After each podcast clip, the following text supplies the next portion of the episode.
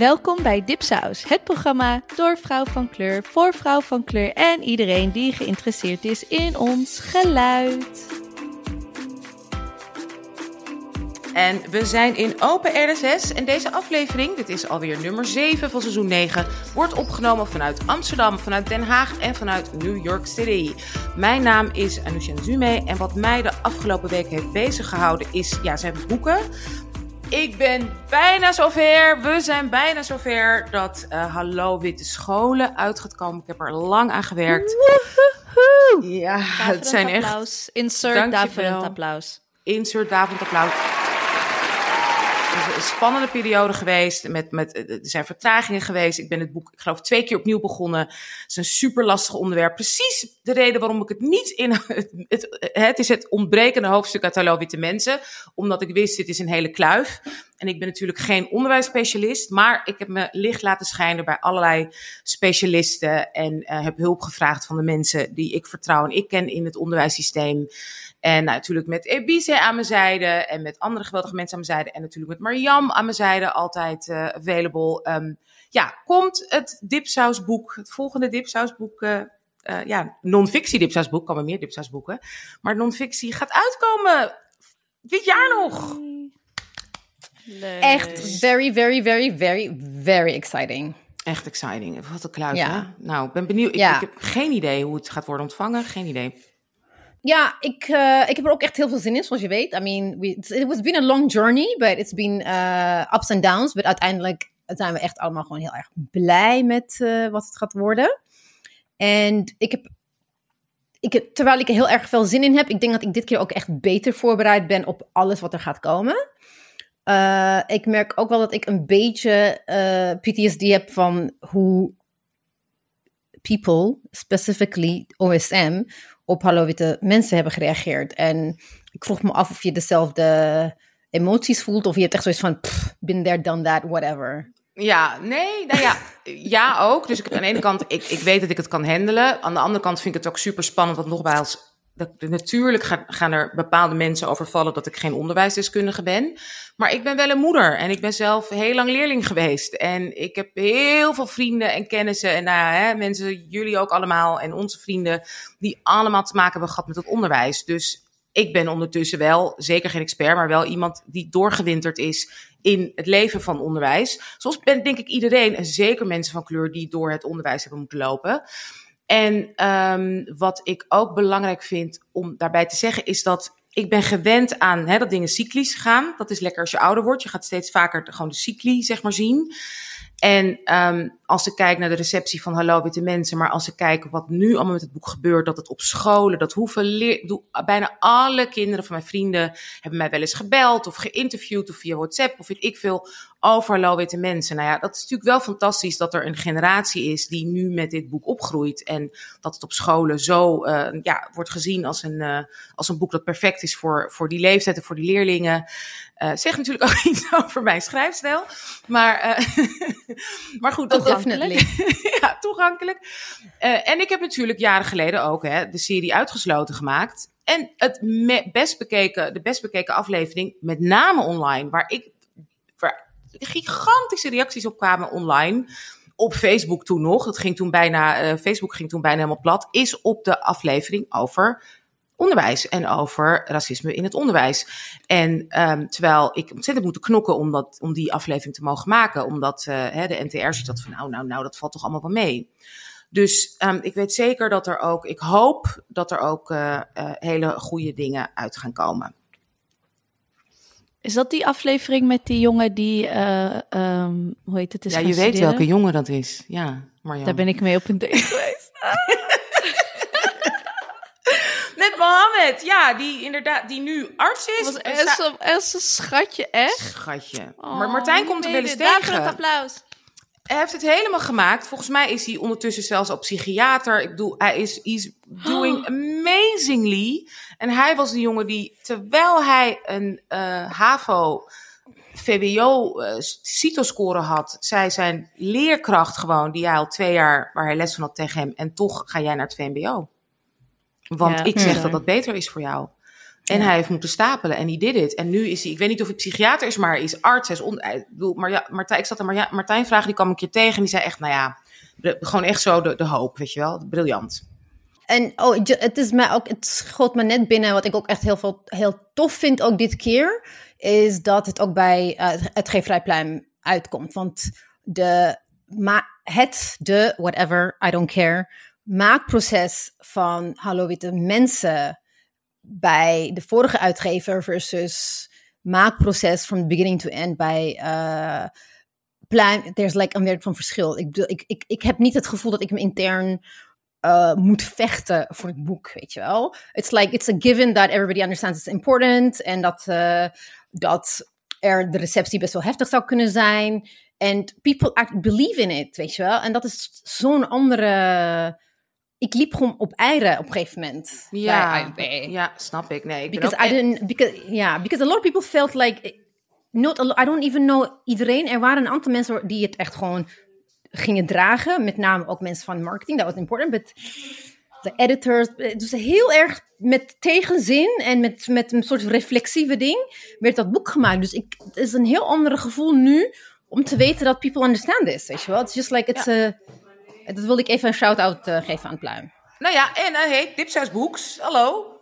Ja, oh ja, sowieso. But, you know. Ik bedoel, Nee, hallo precies. witte mensen, pave the way voor je Ja. eigen boek. Ja, absolutely. Nee, maar your toen, own way. Ja, toen al zei je tegen mij, moest je niet... Nee, maar je zei ook toen al, eigenlijk moest je niet in je eigen uitgeverij eh, beginnen. Heb je al gezegd, weet je nog? Ja, ja, en toen ging jij weg en toen liet je mij zitten met mijn boek bij, uh, bij AUP. Maar goed, ja, dat is een ander probleem. Dat is een andere uitzending. Well.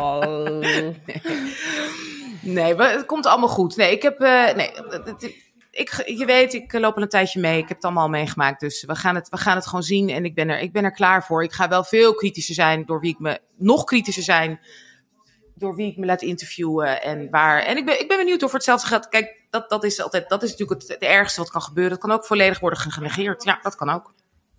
Ja.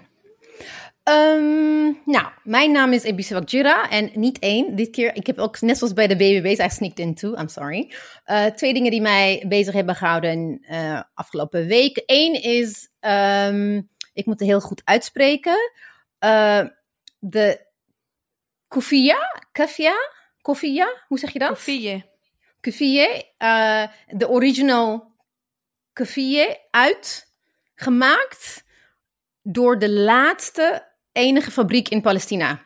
I'm wearing it. Ik heb er twee besteld. Want uh, een vriend van mij heeft uh, uh, krijgt ze van hen, of he knows the people, or he's been there, and he and I wanted to steal it from him, but he told me like just go buy it and support the the only the only fabriek die dat maakt. Dus ik heb gewoon twee besteld. Dus ik ben echt heel blij mee. Ik ga gewoon, they're not even that expensive, like 25 euros, and made in Palestine. So I would say go for it. Ik vind het echt heel leuk.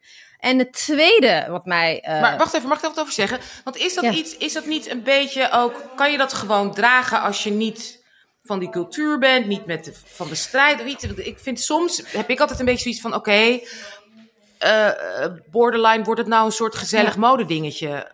Nee, maar kijk, uh, het is goed dat je het vraagt, want before I bought it, I went in so in, in een, uh, how do you say it, in een clickhole. Want de, in Amharic zeg je trouwens kafia, of kofia, betekent eigenlijk hoed. Dus uh, wat ik begreep is, like in the Middle East, you, you wear it, mannen alleen, dragen het over hun hoofd en hebben soms een bandje. They wear it against, om, om zich te beschermen tegen uh, zon eigenlijk. It's, it, because it's, it's light, it, it, it, it beschermt je tegen de hitte. Um, dus het is niet alleen maar in Palestina, maar like in that whole region. But it is what his name, Yasser Arafat, heeft dat particular pattern, the black and white one. Uh, heeft, hij heeft er echt een soort van bewust, heel bewust, uh, een symbool voor de Palestijnse strijd van gemaakt. Dus het was een bewuste keuze van hem om het in a way toe te eigenen, zeg maar. It was not just a Palestinian thing. Maar wat ik ook heel, heel tof vond, wat ik niet wist, is dat the way he wears it, the, there's een manier waarop hij het draagt en, en dan valt het over één schouder. Flipped it, yeah. It's in the shape of the Palestinian map. The original Ah. Palestinian map. Toen dacht ik hé, hey, dat, dat wist ik niet. Dus daarom heb ik ook niet, ik zou niet die kleuren van hem, wat hij draagt, zou ik niet willen. Just like walking around with a, weet ik veel, uh, Che Guevara petty of zo. Ik zou, zou, zo ja, zou precies. gaan. Ja, ja dus, jij draait, dus de kleuren die jij Ja. hebt zijn dus. Het is, het, is, ja, zijn dus, wel- het is wel een traditioneel. Maar, Ja. maar mogen, want ik weet niet of jullie hebben gezien, is een filmpje viraal van een vrouw die een eh jalebba aan heeft. En gewoon lekker rondloopt, lekker de jalebba van hè, heerlijk. En dan wordt ze aangehouden door een man die dan echt zo, oh mevrouw, wat doe je nou? Dat mogen vrouwen helemaal niet dragen. Oh my god, ha, ha, ha. En zei van, nou, ik vind het gewoon lekker, weet je wel. Zo lekker Amerikaanse toerist. Die van, ja, I love it. En eh what's, what's the problem? Eh, I think it looks nice. Dus- Maar is, Is dat- niet twee jaar... Oh, sorry. is die niet, oh sorry, mogen vrouwen deze ook gewoon, is dit iets wat iedereen en vrouwen ook gewoon eh, mogen dragen? Of mogen, maar snap je? Ja, joh, het is echt gewoon een echte solidariteitsteken. Is het eigenlijk geworden in de afgelopen, ja, wat zou het zijn, 25 jaar, denk ik. Maar het is wel zo dat twee jaar geleden, it was massively appropriated. En een jaar geleden. Ja. Eh, dus dan zag je allemaal mensen in jurken en in het groen. En in een tijd waarin, ik kan me herinneren dat, eh, dat mijn zus hem droeg tijdens een beetje post 9-11. En dan werd je wel een beetje scheef. Je, je kon niet met zo'n sjaal naar je werk, naar je werk gaan. Dus in die zin is het een gunstige, denk ik, development. Als het gaat om solidariteit. Um, so it's not per se a cultural appropriation ding. Ik denk dat het echt pas wordt als je echt, zeg maar, de rubberen band over je hoofd gaat doen en die jurk erbij, dan wel. But now it's been really... uh, Want ik heb er ook twee. Ik heb er één in het blauw en één in het rood. Dus echt helemaal... uh, Ja. Ik heb het, eh, de reden voor mij om het te kopen, toen ik het hoorde, dus van die vriend van mij, van it's, the, it's like, it's really made in the last, the only fabriek in Palestina. En they, they, ze hebben ook meerdere designs. Je ziet ook op de website, zie je ook women en men in all kinds of, die het draagt. Toen dacht ik van, oké, I think I'm allowed. Ja, ja, ja, ja. Nee, interesting. En hij is En mooi. je steunt dan echt nog, zeg maar, mensen die de craft Ja. kunnen, kunnen doen. Dus dat, Oh, het is ja. ook geen fast fashion, jee. Nee. dus ik, ik ga het wel gewoon in de link in bio, ga ik even een linkje sturen naar de. En the second thing was, like, I was fascinated by de afgelopen weken was uh, African cover design, Af- African book cover design. Ehm, vooral tegenwoordig, vroeger had je dus, de, de, eh, vroeger had je like de acacia, ac- acacia tree, sunset, savanna, exotische dieren. Dat was gewoon standaard Afrika ja. alle, af- alle boeken, fiction, non-fiction, daar ging het over. En het viel me ineens op de afgelopen weken toen ik met eh, de cover van Sabrine's novel bezig was. Onze eerste Dipsaus fiction boek. En eh, het viel me ineens op, like, what is gewoon oranje en geel is very much present in all the new versions of these African books. En ik dacht van, eigenlijk is het een soort vernieuwde versie van dat hele exotische... Ik snap er echt helemaal niks van. En wat ik ook niet snap, is dat even like African writers, die nu zogenaamd woke en mondig zijn, ze laten het gewoon toe. Dus ik heb eh, een eh, Instagram post over gemaakt. En de zon en de Ziet er wel mooi uit. toch? Ja, the thing is, it's beautiful. I'm not saying it's er not beautiful. They're like some stunning, they're beautiful, stunning books, maar you, you, we're pigeonholing ho- holing ourselves weer in dat exotische fuzzy dingen, dinges. Ik snap dat gewoon niet. Want als je echt kijkt naar non-black or non-POC bookcovers, het varieert, het is zo divers. Ja, ja, ja, ja. You, you can't pin down the race of. Eigenlijk nu wel, vanwege al die uh, women of color en people of color boeken. You can actually. You can judge a book van, oh ja, is een allochtoon. Zonder, zonder naar de naam te kijken. Ik denk van, what are we doing? Ik, ik eh, snap er geen reet van. Eh, mijn naam is Mariam Elmaslahi. Oh, en wat mij bezig heeft gehouden. Kijk, ik heb een, ik heb een best wel heftige geschiedenis van voetbal gehad. Eh, wat ik bedoel met heftig is dat ik tijdens mijn HBO-opleiding echt geld heb ingezet op teams, op spelers. Wel eens geld verloor, wel eens geld heb gewonnen. Allemaal met mijn eh, duo-geld. Ehm, en dat is op een gegeven moment heb ik dat een beetje losgelaten. Het was allemaal, weet je, op een gegeven moment volgde ik voetbal niet zo heel erg. Maar de afgelopen maanden volg ik het dus weer. En dat komt echt door een vrouw van kleur. Ik kijk dus CBS Sports Golazzo, Champions League talkshow. En dat wordt gepresenteerd door Katie Abdo. Want zij komt uit Manchester. Uh, haar maiden name is Kate Giles, but she married a Muslim. Yay, extra punten. Uh, Abdul Majid, um, wat Abdul is, dus heet nu Kate Abdo. Ze spreekt Engels, Frans, Duits, Spaans. Is al 25 jaar in de, in de sports- en presentatiebusiness. Presenteert met box braids, half braids, stijlhaar, krullend haar, up and down. Prachtige kleding, make-up. Uh, everybody, of course, hates her. Because she's a beautiful woman. Die weet waar ze het over heeft. Echt Nederland could never. Ze is dus uh, gemixt, ze is van Guyanese uh, afkomst, van de maternal side. En ze zit dan aan tafel en ze bespreken dus Champions League uh, wedstrijden met Thierry Henry. Die kennen jullie vast wel nog wel. Liam Carragher. Ik weet niet of jullie ja, die kennen.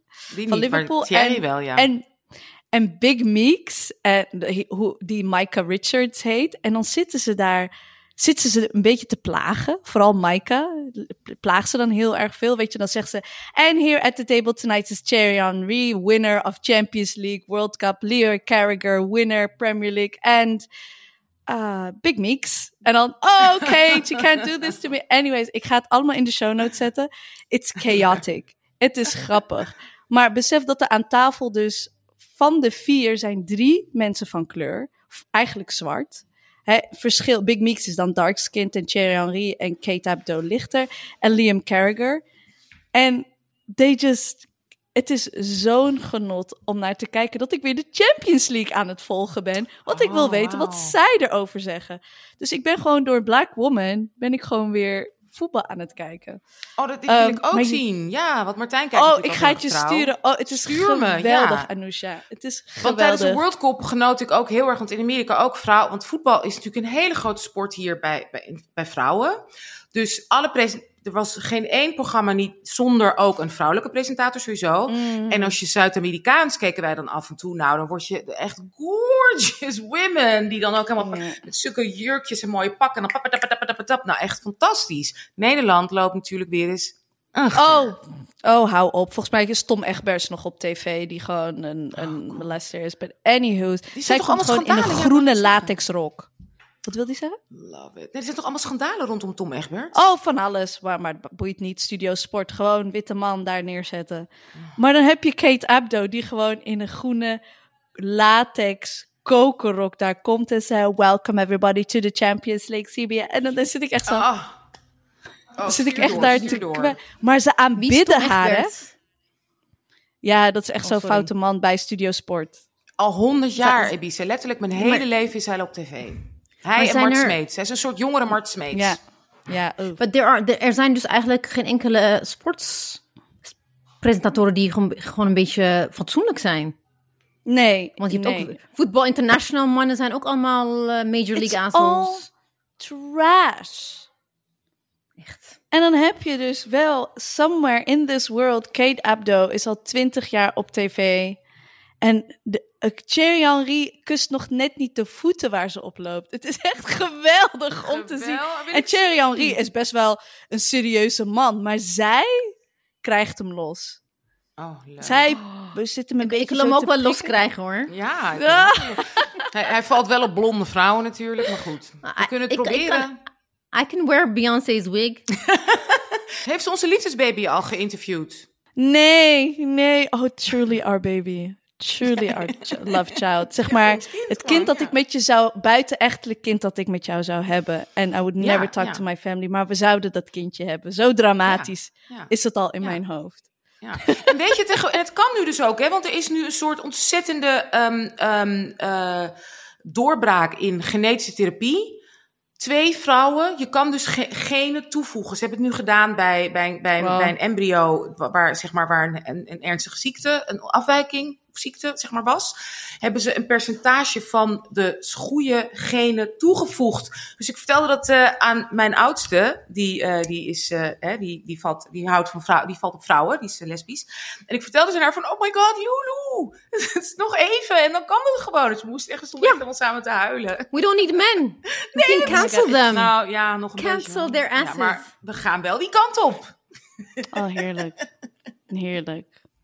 Maar goed, zij heeft iedereen geïnterviewd, Anousha. Zij is such a big name. Zij heeft iedereen, zij heeft ook zeg maar de Ballon d'Or heeft zij gepresenteerd. Zij heeft alles gedaan. En zij is dus ook echt miljonair. Hè? Dus voordat ze met een hele rijke man ging trouwen, was ze al miljonair. Omdat zij gewoon haar, zij is zo duur om in te huren. It's an amazing woman. Maar ze is ook zo grappig.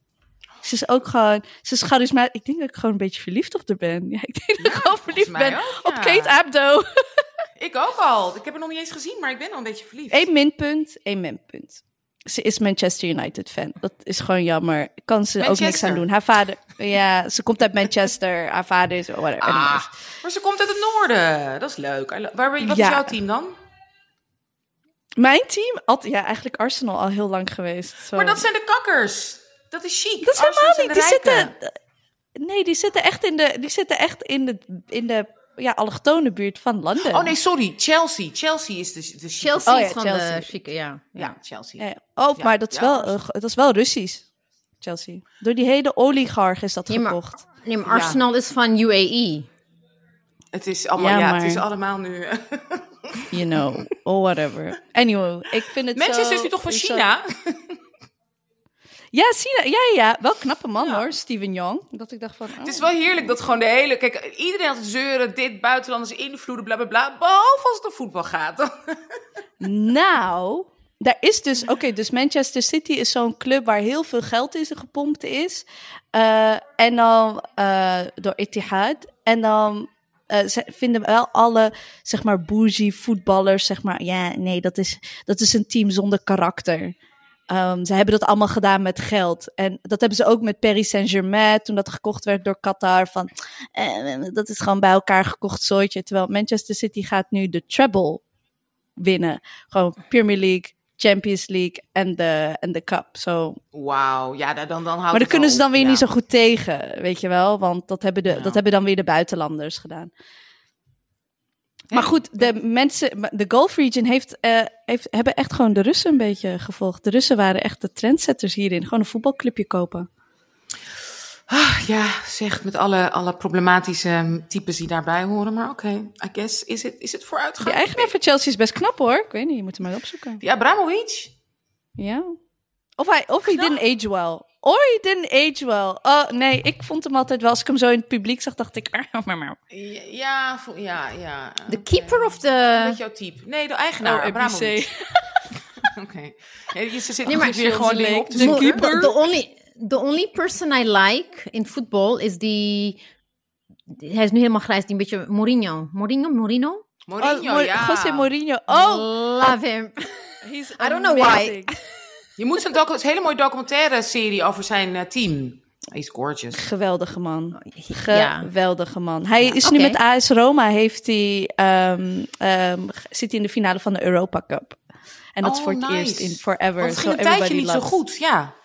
Nee, nee. Oh, Anousha, we can talk about football. Nee, luister, ik werkte bij Raffles. Oh. eh, weet je, ik heb echt mee... Ik bedoel, bij ons is gevierd dat Nederland, of dit Ajax, de... Wat waren ze nou? Ja, toen de Kluivert, weet je wel. Was hij 17 Oh, of, ja. of 19? Ja. Da- Daarna kwamen ze allemaal Ah. bij ons. Dus ik, ik, ja, ik had zelfs een eh, seizoenskaart van Ajax. Eigenaar van Arsenal? Of van... Chelsea baby, sweetie, Oh, oké, sweetheart, because... Chelsea. Ik heb niet goed... because, because de eigenaar van Arsenal looks like Logan Oh ja, Roy. nee, nee, nee, nee, nee, nee, oh, nee, nee. Met een moustache. En I was like, what the fuck? Sorry. Oké. Maar eh you could have been, Anousha, had jij gewoon onze, had jij onze Kate Abdo kunnen zijn in Nederland? Had je dat Oh, gewild? ja. Ik had, ja, ik had ons. En ik ging ook een tijdje met een sportjournalist. En ik heb wel eens ook wel eens gerommeld met bepaalde voetballers. Dus ja hoor, it could have happened. I mean, ik, ik bedoel presenteren. Ik leef al lang. Ja, oh, presenteren kan ik toch ook. Dus in another life, it could have happened. Ja, ja. hm. I forgot his name, but they were like two brothers, like Ghanaian players, Ghanaian Dutch players. Two, with one of the brothers, uh, hadden we, we had one date. We, Oh. we gingen op een date en hij wilde allerlei dingen voor me kopen en ik, voel, ik, ik wilde helemaal niks. And then uh, my friends, whose name I'll not were like, yeah, pff, just let him buy you a shoes. En toen heeft hij Puma's voor me gekocht. En ik voelde me al van, ik voelde me al vies. So I could never, actually I could never be a gold Ja, digger. ik God zeggen, damn dan ben je it. geen goede voetbalvrouw als je Ik je weet vies voelt van wie was, Puma's. wie was hij ook? Ik zie zijn gezicht voor me. Ik ga het even googlen. Ja, Ga maar I could googlen. have, I could been. Ik heb alleen met de kickboxer gedate. Na een tijdje dacht ik, hmm, too much aggression. But you're cute, but no. Oeh, ja. Maar in ieder geval een leuke, een leuke nacht lijkt me wel fijn met de kickboxer. Als hij een goed Het was heeft. altijd, het was, ja, als hij goed, oh ja, ja. En als hij niet gewoon zo in zijn gezicht geslagen werd. Dat is echt heftig. heftig. Oh. Wat? Weet je, dat is Zo opeens zo random hechting in zijn wenkbrauw. Dat ik dacht van, hè? Oh. En dat ziet er dan, op tv ziet het nog oké uit. Maar dan in het echt denk je, ja. oh, met zo'n korstje eraan en zo. Dat, oh nee, dat, dat is, Oei, is niks oei. voor mij. The things we do for Dick. Let's, de- let's, dat is een ander onderwerp. Let's not go there. Vergeet je Vergeet je niet te abonneren op onze nieuwsbrief. op Dicksaus. Ja, op Diksa. ik, wil- ik wilde ook gewoon een dik joke maken. Vergeet je, niet te, vergeet je niet te abonneren op onze nieuwsbrief via de dsaus.org voor artikelen, in acties, evenementen, playlists en onze eigen Dipsaus exclusives, essays, recensies en OnlyFans. En dan blijf je op de hoogte van al onze releases, zoals de 30 mei, zoals die van 30 mei van de Goede Mama. Please pre-order, love us, like us, make it happen. Ja, en vergeet je ook niet te abonneren op Podimo. Wij zijn overal nu te beluisteren, maar de streamingdienst trakteert je nog steeds op standaard een maand gratis proeflidmaatschappen. En dan kan je allerlei andere podcasts luisteren, er zijn ontzettend veel. Als je zin hebt in de laatste roddels over Nederlandse voetballers, moet je natuurlijk Yvonne gaan volgen. Ehm, je kan inloggen op je Podimo-account en laat daar, je kan daar ook nog steeds likes voor ons achterlaten. Ontzettend belangrijk voor ons en knuffels, vijf sterren, weet ik veel wat allemaal kan. Doe het alsjeblieft overal waar je ons beluistert. We hebben die toprecensies nodig. En alsjeblieft volg ons op Instagram. Hartstikke belangrijk, want hoe meer likes, hoe meer volgers, hoe meer zichtbaarheid ook binnen Podimo en hoe meer we dit dus kunnen blijven doen. Want we doen het al een tijd. We willen doorgaan en we need your guys' all of support.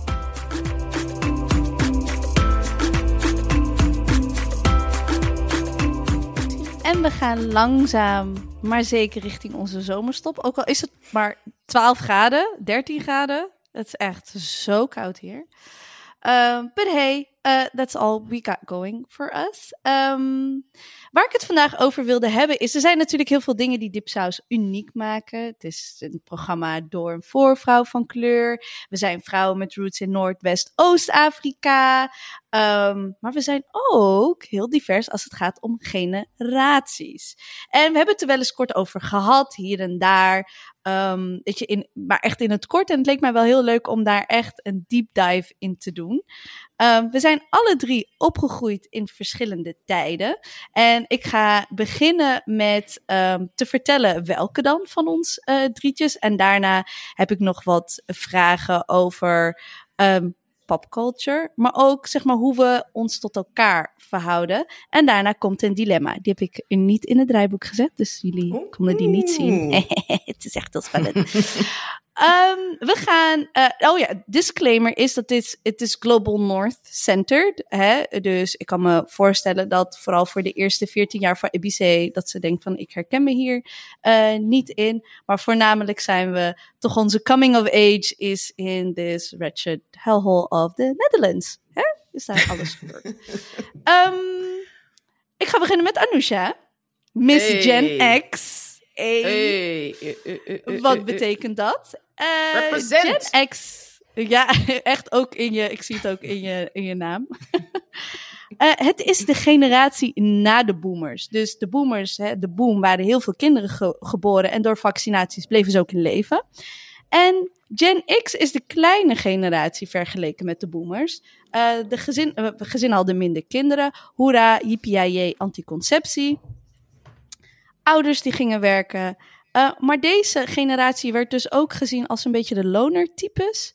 Uh, zij waren de kinderen die van school alleen naar huis gingen, al gewoon de huissleutel op zak kregen en dan maar uh, zelf een boterhammetje gingen smeren, want hun ouders waren op werk. Um, het is ook een periode waar, het eerste periode waarin scheidingen toenamen. dus, de, dus de ouders van Gen X. Um, jullie, ga ik zeggen, jullie, uh, Gen X, maakten ook de laatste dagen van communisme mee. En jullie worden getypeerd, dit vind ik heel grappig, dit heeft een psycholoog. Uh, ik zal een paar bronnen ook in de show notes. Jullie worden getypeerd als betrokken, actief, gelukkig, productief en pragmatisch. In persoonlijk leven, maar ook vooral op de werkvloer. Jullie waren wel al een beetje aan het bellen, maar nog, niet, nog geen mobiele telefoons. Um, in Nederland weer worden jullie de verloren generatie genoemd, omdat jullie slecht uit de baan kwamen. Thanks again, de boomers. Als we iets allemaal gemeen hebben, is het de, echt, echt dat we last hebben van boomers. In de VS waren jullie de MTV-generatie en in Duitsland waren jullie de generatie te veel. Jullie hadden toen al te veel informaties, hè? dus toen gingen al de kranten en werd de informatie sneller verspreid. Te veel concurrentie en te veel keuzes. En jullie historische momenten waren de Chernobyl-ramp, IBM's eerste PC, studentenprotest in China en de Berlijnse muur. Ik zie, Anusha heeft heel veel geknikt. Um, ja. Wat vind je van deze samenvatting? Ben je het eens? Ja, Waar ben je het mee oneens? Wat heb ik gemist? Nee, ik ben het helemaal over mee eens. Het enige wat je een beetje hebt gemist, wellicht in Nederland, de Nederlandse situatie was ontzettend veel drugs. Trouwens ook in Duitsland. Harddrugs, heroïne. Oh. Ik ben echt oh. opgegroeid met uh, spuiten op straat en junks overal. Oh. En ja, de, en ik las alleen maar boeken vanaf mijn twaalfde. Uh, het verrotte leven van Floortje Bloem. Een een of ander meisje ook een Amerikaans boek over pillen slikken, over drugs, over heroïne. Christiane F was ik dertien. Dus mijn coming of age had, ja, terwijl ik was echt een braaf buitenvelderts uh, meisje met een Russische moeder. Maar drugs, we lazen allemaal over drugs. En wat je ook hebt gemist is natuurlijk, ja, heel erg HIV AIDS. Want al voordat ik überhaupt uh, verliefd werd of seks had, ja, ik ben opgegroeid met dat je er dood aan kon gaan. Dus er was eigenlijk ontzettend veel gevaar. En, en dat elk moment uh, uh, de bom kon vallen. En uh, er was nog ook heel veel poep op straat. En dus ook heel veel junks. Was echt, als je Amsterdam oh. foto's, ja, als je foto's Amsterdam 1982, nou geloof je niet echt heel normaal. Dan ging ik, want ik ging huiswerk, ik, ik woonde buiten de ring. Maar binnen de ring was mijn huiswerkjuf voor, die me hielp met, uh, met, met Nederlands of met, weet je, met, ik weet niet meer met welk vak, volgens mij met rekenen. En dan nam ik de tram, moest ik eerst met de bus en dan, en allemaal alleen, hè, was ik echt heel klein, was, vond niemand erg, of mijn moeder was niet eens thuis, niemand die je belde of je, je, leerde gewoon van, oh je neemt dan en dan de bus en dan en dan een zus of naar pianoles, naar sporten, heel ver alles. In je eentje, van kleins af aan. En dan was het echt best een spannende rit met, oh, er komt wat stappen junks in en dit, wat moet ik nu doen en weet ik veel. En ja, ja, en de dreiging en ja, ook nog eens HIV en AIDS. Dat je echt dood ging. Ik heb nog ja, heel veel, zijn vrienden, ik, ik, zat in, ik, ik, werd, ik was natuurlijk actrice, danste, ik zat in musicals. Ik ben echt vrienden verloren. Ja, jong. Oh, dat ja. echt was heftig. Dus dat, dat, dat, dat hoorde er ook nog bij, bij die tijd. Um, ja, ook, ik ben ook wel eens op feestjes. En kraken natuurlijk was een heel big ding. Ik ben ook wel eens op mm. feestjes geweest waar ik echt zag dat iemand gewoon ging spuiten en zo. dan was ik echt uh, veertien of zo. En dan zat ik daar gewoon tussen. Dat vond ik allemaal heel eng, maar ook heel interessant. Het, hoorde de, het was echt bizar. Een hele aparte tijd. En he, volledig vrij. Mijn moeder, ik ging uit ja. door de weeks. Ik ging vier uur, maakt niet uit, lopen naar huis als mijn fiets het niet deed, als ik geen geld had voor de bus. En niemand die dat wist of je belde. Mijn moeder ging een maand op vakantie, vriendinnen bij mij logeren, ouders die dat helemaal niet erg vonden. Weet ik, het was, eh, kan je niet vergelijken met hoe nu kinderen ja. um, en jong het huis uit. Iedereen ging 16, 17, 18. Als je nog thuis was op je 19e, was je echt een loser. Ja, ja, ja. Dat zag ik wel ook wel veel uh, terugkomen. Echt een generatie waarvan allebei de ouders werkten en druk waren. En maar, weet je, ja. en dachten van, da. Volgens mij werd het de, latch, de latchkey, latchkey generation. Ja. En heel veel feestjes. Ik kan me echt nog herinneren dat, ja, dat, dat heel veel van mijn vrienden en ouders en feestjes hadden, dronken. Of ja, vrienden van mij die ook echt hun ouders dan opeens kook zagen snuiven. Dat, dat, dat, ja, dat waren natuurlijk oh. boomers, weet je wel. Voor, ja. ik bedoel, nu is het zo truttig. Ik, ik kan soms nog. Ik, ik werd ook, dan werden we meegenomen, gingen mijn ouders naar een feest ergens in Amsterdam Noord. Geen idee. En dan was het ook echt zo van: uh, ja, de kinderen zitten daar allemaal in de boksen. Dus dan werd je gewoon weggeduwd. Mijn ouders zo naar ja. dat feestje op de, weet ik veel, 25e verdieping. En dan zat ik de hele avond gewoon tussen de kelderboksen met allemaal andere kinderen. Ja, hé, hey, vermaak je maar. Geen tv, weet je, ja. moest je gewoon lol hebben. En was ook heel spannend en heel leuk hoor. Ik was gelukkig een ontzettend extravert. Maar geen makkelijke tijd, denk ik, voor introverte kinderen. En toen werd er ook helemaal niet op gelet. Ben je introvert, extrovert? Heb je een... Nee joh, ze hadden maar gewoon leer- kinderen. Nee, joh. Ja, gewoon, ja. ja. En een glaasje cognac als ze, als ze moeite had met slapen. Hoppakee. Veel makkelijker. Wa- ja, wijn met water erin. Eh, wij zaten op hockey. Nou, er werd gezopen op hockey. En dan begon dan met, dat noemden we dan shandy. Gewoon bier met 7-up. Dat was volledig normaal. We hadden feestjes. Nou, je doet, als, als ik nu terugdenk.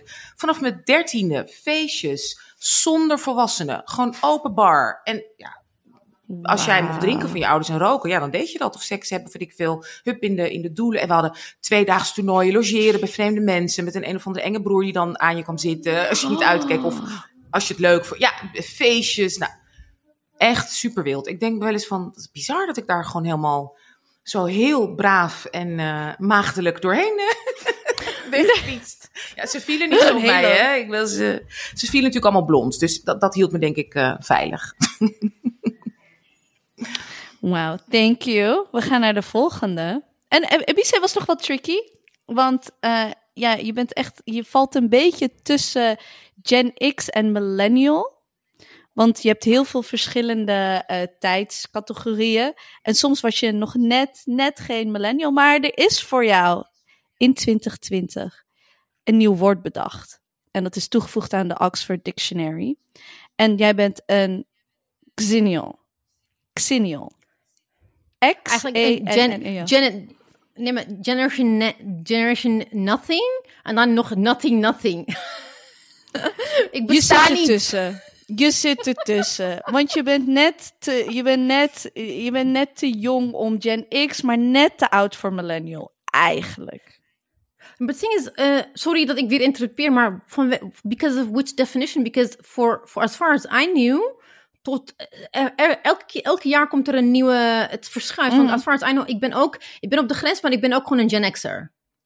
Omdat ik Ja. eh, van 76 ben. Maar jouw maar Gen X'ers, maar jouw people, like, there are your people now, EBC, v- voelden zich, ehm, ja, die konden daar gewoon niet echt mee landen, mee, hadden niet echt feeling mee. Dus talk to your people about this, denk ik. Ehm, want dit is gewoon wat je nu gaat. Dit is, dit is je term. Je behoort tot de oudste millennials en de jongste Gen X'ers. Oh, hell no. I want to be a Gen X'er. Nee. Nee, want because toch- you, Sticky. Je bent lekker Want jong, je bent jullie- jong. jullie hadden hogere telefoonrekeningen dan de echte Gen X'ers. Jullie gingen vaker bellen, want, de want mensen hadden vaker een telefoon in huis. En gingen, dus jullie zijn de landline generation. Kijk, Uren lang. U, uren bellen, u, uren. Met zo, ik had zo'n hele Ja. telefoon met zo'n heel lang snoer. En dan had je zelfs zo met zo'n zo'n extra dingetje dat de vriendin kon meeluisteren, jongens bellen en zeggen dat Oh, je iemand wow. anders was. Oh my goodness, ja. Het is interessant. Ik denk dat ze het nu ineens koppelen aan technology instead of the actually Ja, like the en daar era. kom ik the nu era. op. En that's yeah, that's weird.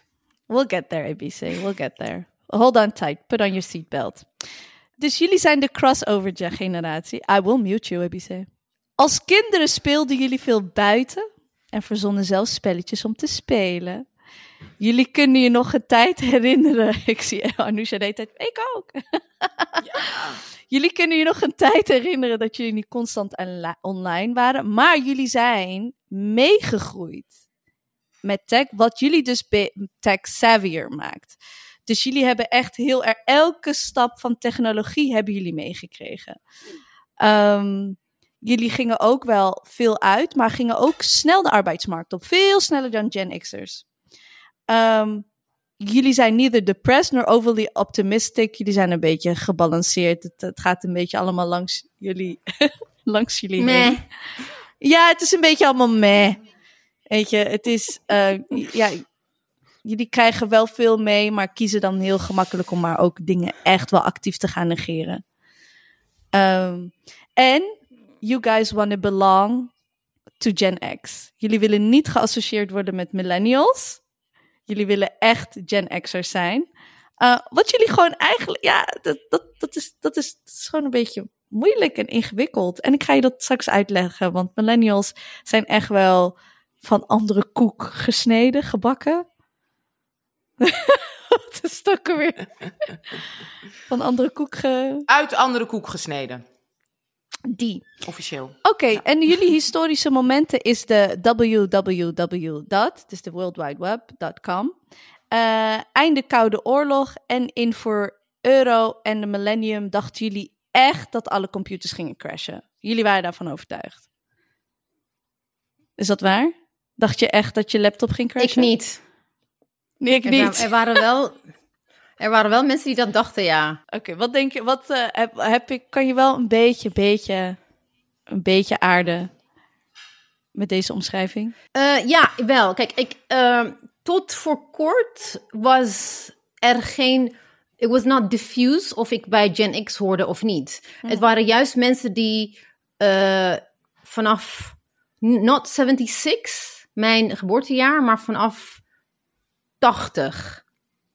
Bet- between 76 en 80 zat- zaten in die tussengeneratie. Dus nu is het weer naar achter geschoven, waarschijnlijk because of technology. Maar in terms of eh, wat we, eh, our state of mind, hoe we dachten, de, de, de dingen die we normaal vonden, we were, we were like closer to each other than to millennials in a, in a lot of ways. Maar inderdaad, als je te- technologie, technologie meeneemt, is dat eh, inderdaad closer to millennials. But the reason why uh, I am, I was protesting was omdat wij ook heel erg, net zoals Gen X'ers keken wel op naar de boomers, naar onze, um, how do you say it, the one generation before us. You aspired to be like them.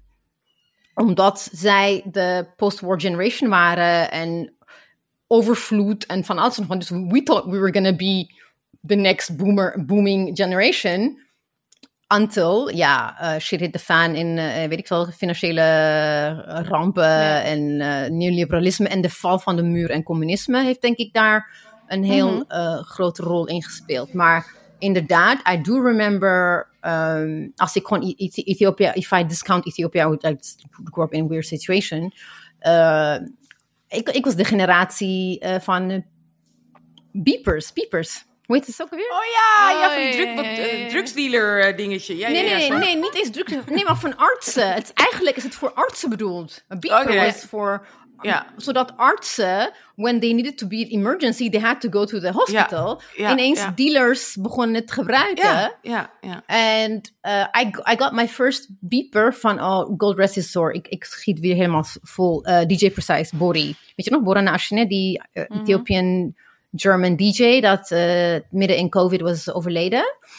Uh, he, was like one of the uh, important people in Dutch hip-hop geweest. En hij gaf mij gewoon, hij had echt zoiets van, "Ugh, je hebt eentje nodig, what the hell. En hij gaf me gewoon een beeper. En, Ik, uh, ik durfde dat echt niet. Ik dacht, nee, dat denkt iedereen dat ik een drugsdealer ben. Oh, ik, ik zag er te lief uit. Jullie hebben foto's van mij gezien op, met mijn wangetjes. Met de wangetjes. ja. om, om uh, to, to be, you know, but indeed, dat urenlang bellen. Gewoon, Jullie hebben zoveel to- gebeld. Zoveel ja, gebeld. I used to call. Eugenie. Eugenie belde ik gewoon op. S'nachts ging, ging ik naar wat ze nu tegenwoordig via de app hebben. Ik ging naar Oscars kijken live en zij ook. We gingen gewoon commentaar. Ja, wat nu live tweeten ja. heet, gingen we gewoon telefonisch met elkaar praten. Gewoon echt Hey, drie uur lang gewoon aan de telefoon. What? En weet je nog van die, van die groepsbeldingen, partypeeps? Ja, ja. Dan, dan Nee, belde je. dat had ik niet. Oh ja, dan belde je dus om, op vrijdagavond om 9 uur. En dan ging je in een soort groepsbel. Ik weet niet meer hoe dat ging. Maar dat, Ja. ging gewoon, dat was gewoon met de, met de gewone telefoon. Een soort nummer Ja. dat je moest inbellen. Partypeeps was echt hilarisch. En dan zat je gewoon met, weet ik veel, 20 mensen aan de telefoon. Ik heb mensen die Ja. elkaar ontmoet via Partypeeps. En nog steeds bij elkaar zijn. En dan Oh. wist je dus als je uitging. Oh, die heb ik gesproken Partypeeps. En die komt misschien nog tegen in Paradiso. En helemaal leuk was dat. And the thing is, and what I do think that. Ja, je, je zegt natuurlijk altijd, vroeger was alles beter, maar in this Nee, dat case, niet. de fact, nee, nee, maar, maar in this case, when it comes, wanneer ik wel denk aan mobiele telefoons en nu ook zelfs op je, tele, eh, op je ehm, Horloge. horloge ding, mensen waren eh, ook terug, om terug te grijpen naar de vorige aflevering, ik ga nu van hak op de kast, sorry, mijn eh, ADHD-brein, is that um, because of communicatie was gewoon niet zo immediate. Jij ging afspraken maken Ja. per telefoon. kwam je na. En dan kwam je die afspraken na. Je Ja. kwam gewoon opdagen. Ja, je had een agenda op papier. Je schreef het ja, op in ja, papier op je agenda met je pen. En als jij om vier uur 's middags had afgesproken in het Vondelpark, twee week van tevoren, wist je gewoon, hoeft hij ook Ja. niet te checken, ga- kom Nee. je nog of zo. En dan is het dan, en, en dan dat half uur regel van nou, als je na een half uur niet komt, dan ga je gewoon, eh dan betekent dat gewoon niet weg. doorgaat. Ja. Ga je weg? Ja. En ja, ja, ja, en ga je weg. En eh when the beepers came, kon je dan wel eh, codes afspreken met elkaar. 9-11 was like emergency, je moest snel opnemen. Dat soort, dat soort codes hadden we via eh, nummers gewoon. Je kon ook nummers in. eh, even had je- als jij een mobiel. Nee, ik weet, niet, nou, ik weet niet hoe het werkte, die beepers eigenlijk niet. Maar je, kon, je had dat dan gewoon short, shorthand nummers, waardoor je codes onderling met je vrienden af ging spreken. Dus Ja. als iemand een bepaalde code intoetste, betekende het XIZ, weet je wel? Net zoals SOS eigenlijk. Het was heel onhandig, die beepers aan de ene kant. Want je moest wel bellen. Dus je moest een telefoon gebruiken. En dan kon je iets intoetsen. En dat zag iemand anders op zijn beeper. En die Ja. moest dan een telefoon vinden. Hè, kwartjestelefoon of weet ik veel. En Maar die had je dan- overal. Nee, die had je toen nog overal. Maar dan moest je kwartje, weet ik veel. Snap je? Maar ja, je had altijd Ja. geld bij je. Ook altijd kleingeld Ja. bij je. Want je wist, misschien moet ik wel bellen. Dus het is... het-. Maar het was echt Nee, een maar ook- dingetje. But, but also the whole concept of, omdat er overal telefooncells waren, if you had, if you had money, you can call nu. Stel dat je mobiel eh, batterij opraakt.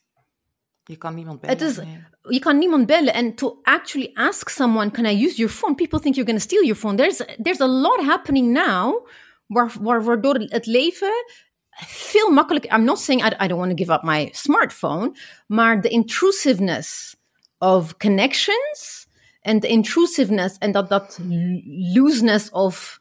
eh, ik ga niet reageren. Ik, ik, weet je, dat, dat, dat is wel ietsje meer... Die drukte in je hoofd is ietsje drukker geworden. En toen was de afspraak was gewoon afspraak.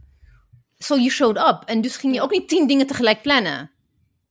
Het was, Je- je verschillend, nam het was een reistijd. verschillende soort intensiteit. Dit wat we nu hebben is Ja. intens, maar vroeger was Ja. intens op misschien microbasis, één op één. Oh ja, ja, ja. ja. Nogmaals, het was geen tijd voor ehm, mensen die heel erg introvert zijn. Of Nee. die lastig vinden om dan een afspraak te moeten nakomen. Of als je zeg maar je niet Ja. goed voelt. Of misschien last van depressie of iets. Want afspraak was afspraak. was heel, heel veel sociaal.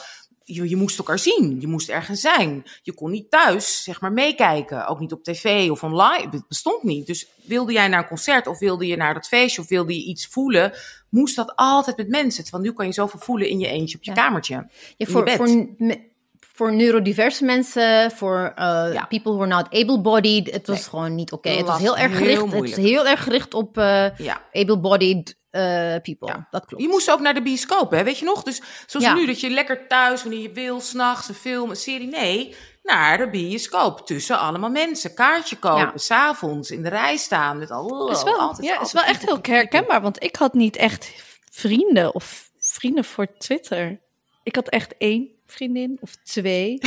en ik deed ook echt niet zoveel. Ja, ik zat echt, ik zat echt thuis met mijn collectie National Geographic tijdschriften en uh, obsession over different books. Het is echt, eh, toen ik twintig was en Ja. echt, nou, eerder 18 met Facebook en eerder nog met Hives.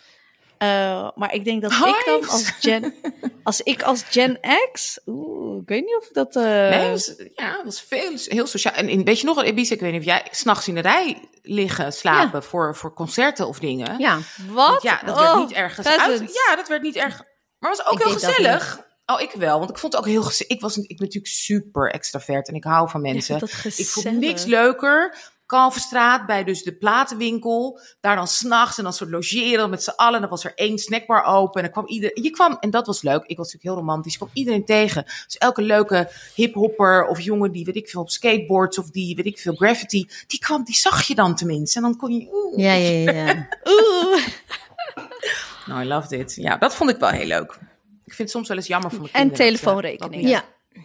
Ja, ja, maar the thing is also, uh, but je had ook gewoon daaluren en dat soort dingen, hè? Als je niet mobiel belde, ja, en als je binnen Amsterdam 020 belde, Dat versus, kostte niks. eh, dat kostte niks. Als je wel naar een andere, gewoon 010, Mm. 0, you know, like een hoofddorp of it has a- another Ja. uh, dan, dan you're fucked, yes. So daar gingen we ook rekening mee houden. Ja. Obviously. Maar ik weet nog op mijn school, op de middelbare school, ik was, was geloof ik, ik denk dat het 1985 was, dat wij les kregen met de eerste computer, want het was best een beetje chique Amstelveense school. En dat was zo'n groot lelijk zwart ding met die groene letters. En je moest X, Y, O, weet ik veel, Alt, Control, weet ik zo'n hele taal. Ja, we gaan een taal leren, jongens, een nieuwe taal. En ik weet nog dat ik echt dacht van nou, dat wordt natuurlijk geen hit. Ik bedoel, dat ziet er niet uit. Ja. Alleen die grote knoppen, nee. Dus toen ben ik gewoon afgehaakt. Ik had gewoon computer, gewoon kregen wij gewoon gratis. Ik van nee, nee, nee, ik ga gewoon naar ballet. Dit is, eh, nee, dit is dan kan work. Dit is niks voor mij. Nee. Niet Ik sophisticated. weet, nog, ik weet nog toen iemand het had over Internet Explorer en de internet. En ik snapte er helemaal niks van. En he showed it to me. I'm like, oh, weet je wel, echt zo. Like, wow. Ja, ik weet ook nog, ja. I remember. Ja, dat inbellen, zo'n computer moest inbellen. Mijn broer Ja. komt uit 1981 de, en op zijn 14e, ongeveer 15e, kreeg hij van mijn vader een computer die hij erg. Mijn vader die ging elke zaterdag naar allerlei braderieën, tweedehands wing- ehm, eh, marktjes. En die had een computer voor hem, ge- voor hem gekocht. En je hebt dus een hele mooie foto van mijn broer. Ik denk echt 12 of zo. Die dan doet alsof hij aan het typen is. Die hele computer staat uit, volgens mij, deed, weet je. En, daar, en die foto gebruiken we altijd van. Toen wisten we van. Mo, die gaat Ah. iets doen met computers. En wij zaten alleen maar zo een beetje te kijken van. We mochten niet eens in de buurt ademen van dat ding. We mochten wel af en toe op de TMF-chat. Oh, TMF van de muziek, toch? Was toch de muziekkanaal? Ja, maar dat komt nog zo nog bij de millennials. Ja, oké. Uh, misschien, maybe I might be misremembering, maar I don't think dat mijn middelbare school wel computers had.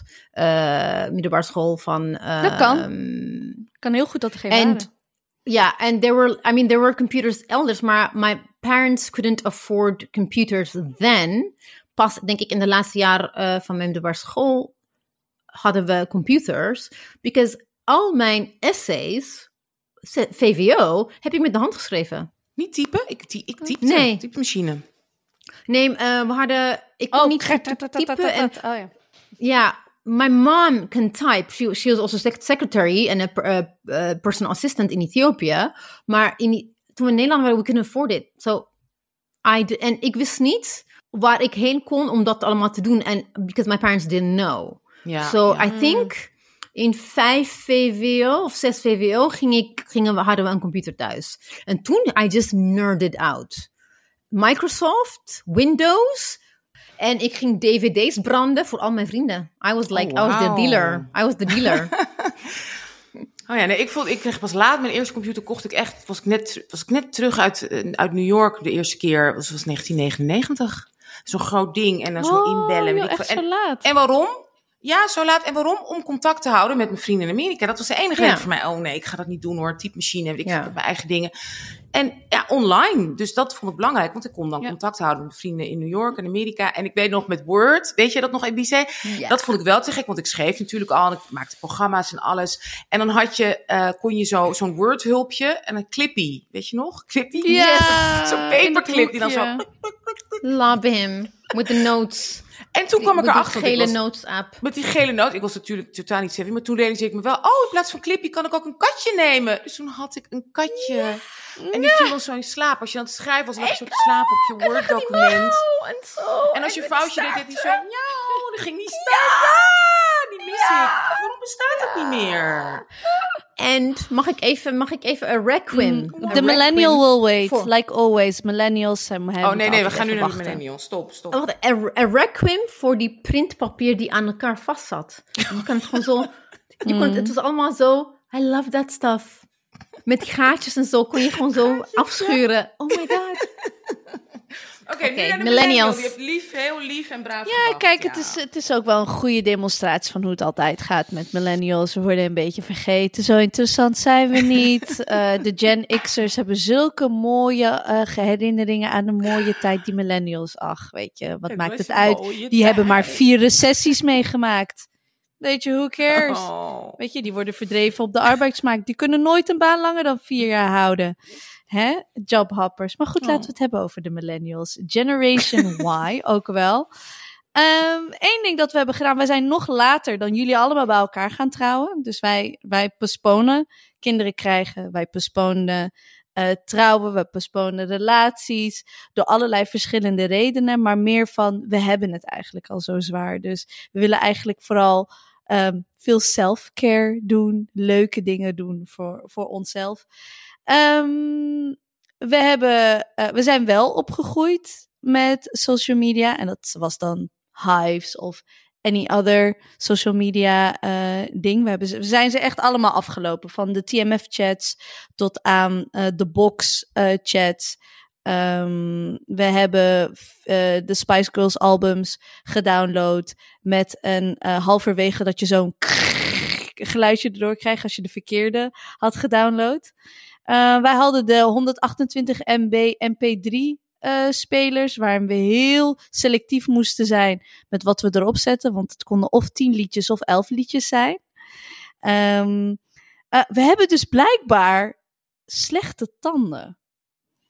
Uh, wij zijn de generatie met echt de slechtste tanden. Um, en dat komt dus ook door de toenemende prijzen, maar ook een, ja, omdat er toen op een gegeven moment is heel veel aan healthcare Terwijl wij dat zelf moesten gaan doen. Dus wanneer wij 18 werden en zelf voor onze healthcare moesten gaan uh, betalen, hebben we gedacht, nou, we, we, we slaan een jaartje over. En toen zijn we nog een jaartje gaan overslaan. En toen zijn we nog een jaartje gaan overslaan.